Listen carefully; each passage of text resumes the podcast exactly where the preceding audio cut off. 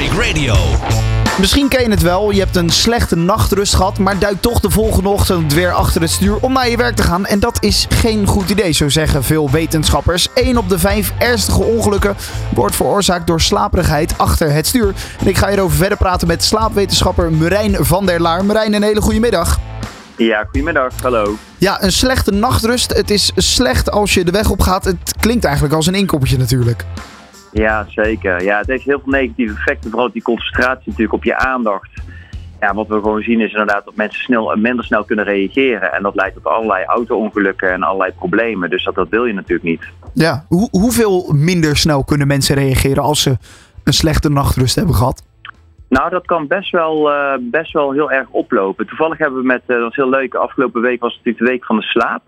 En afgelopen vrijdag de dag van de slaap. we hebben Beter Bed samen een experiment gedaan uh, met Tom Coronel. Ja. En dat is natuurlijk een autocoureur en die, die is natuurlijk gewend om heel snel te rijden en goede tijden neer te zetten. Maar je merkte echt dat hij na een nacht niet slapen, dat hij gewoon twee seconden langzaam was. Nou zou je denken dat is misschien heel erg weinig, maar voor iemand die zo getraind is, is dat hartstikke veel twee seconden op zo'n race. Ja, dat is inderdaad best een groot verschil, twee seconden. En is dat dan te vergelijken met, met andere, uh, nou ja, de, bijvoorbeeld met alcohol achter het stuur kruipen? Kan je het daarmee vergelijken? Ja, zeker, zeker. Hè.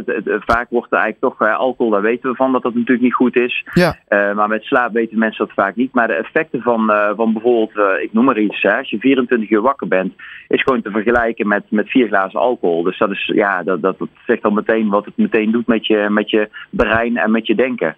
Ja, mensen voelen dat natuurlijk ook, dat ze slecht geslapen hebben.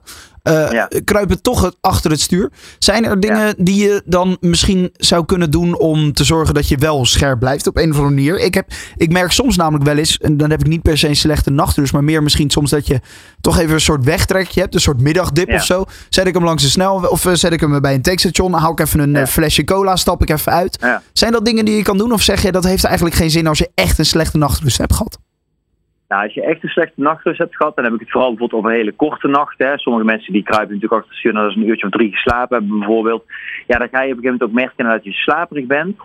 En als je dus slaperig bent, ja, dan is het eigenlijk de enige echte goede remedie tegen eh, slaperig zijn, is even inderdaad een dutje doen. Ja. Eh, dus dan kun je het beste even de auto langs de kant zetten. Dus heel veel mensen die hè, draaien bijvoorbeeld het raampje open, zetten de radio harder, weet je, dat soort dingen. Maar die hebben eigenlijk weinig effect. Dus eh, het is veel beter om even gewoon eh, ja, de auto langs de kant te zetten. Toch even een dutje te doen. Toch daar even een powernap, 20 minuutjes. Ja, Ja. zeker. Dat zou echt wel kunnen helpen ook. Ja, zeker. Dat kan echt helpen. Daardoor word je weer scherper. Dan kun je je aandacht wat beter focussen.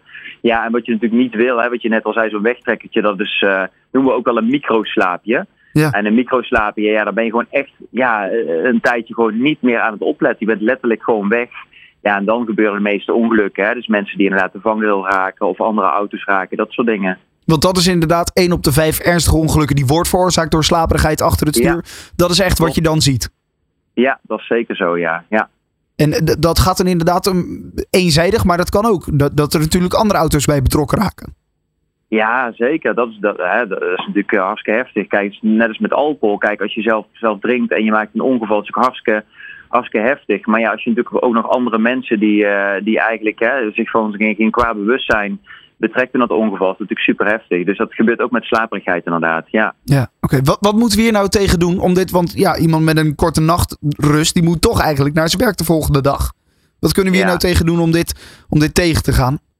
Nou, ik denk sowieso dat je kijkt naar dat je een beetje vooruit kijkt. Hè? Want eh, ik bedoel, tuurlijk, als je één korte nacht hebt gehad, dan heeft het al effect. Maar stel dat je bijvoorbeeld niet anders kan, bijvoorbeeld na een nachtdienst of wat dan ook, of, Ja. of je moet toch de weg op, is in ieder geval probeer daar een beetje omheen te plannen. Dus als je de mogelijkheid hebt om te kunnen slapen, slaap dan in ieder geval wel.